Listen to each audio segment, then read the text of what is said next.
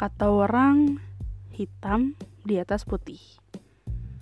Kalau sudah melakukannya, kita sepakat dan otomatis terikat dengan seluruh isi di dalamnya. Terkadang, lelah dan godaan datang bukan main.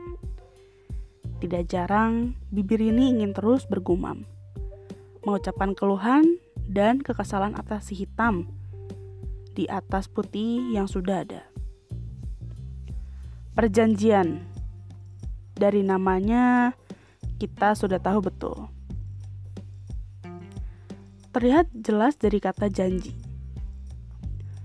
Tidak jarang juga orang-orang di dalamnya merasa nyaman. Namun pasti ada yang merasa lain. Terjebak, terkekang, terbebani. Ya, tak tahu harus berbuat apa.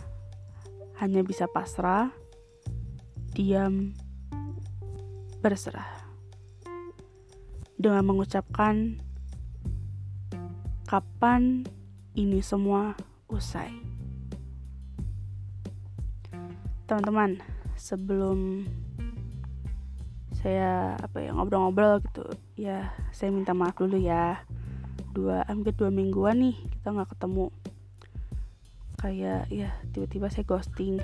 Nggak nggak kasih apa ya konfirmasi juga di IG-nya bukan estetika belaka. Dan ya pokoknya hilang gitu aja. Sebenarnya nggak saya nggak nggak kenapa-napa sih. Cuma memang lagi sibuk aja gitu jadi nggak bisa ke handle podcastnya. Terus memang sempat um, agak kurang fit tapi bukan covid tenang. Kayak pilek-pilek lagi gitu kayak waktu itu juga sempat pilek-pilek. Ya, tapi sekarang udah aman. Kayak influenza doang gitu. Jadi bukan covid. Oke kita lanjut. Oke kalau dari sini saya tuh pengen ngajak teman-teman gitu ya teman-teman pernah nggak sih namanya kayak terikat dalam semua per, sebuah perjanjian? Entah perjanjian apa pun itu. Mungkin perjanjian apa ya? Kalau mungkin dari yang hal-hal kecil dulu kali ya yang simple. Antara teman gitu kayak misalnya eh janji loh besok traktir ya gitu. Eh janji loh ya besok jalan-jalan loh kalau enggak awas loh kan gitu kan seringnya gitu tuh.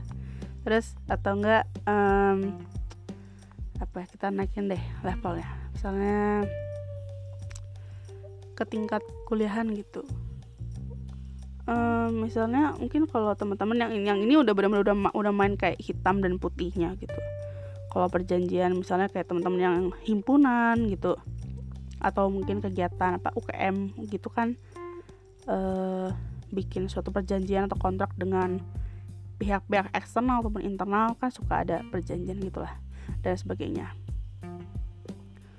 kalian um, pernah nggak sih ketika uh, kalian ini membentuk suatu perjanjian dengan pihak tertentu anggap aja pihak yang tertentu ini X oke okay.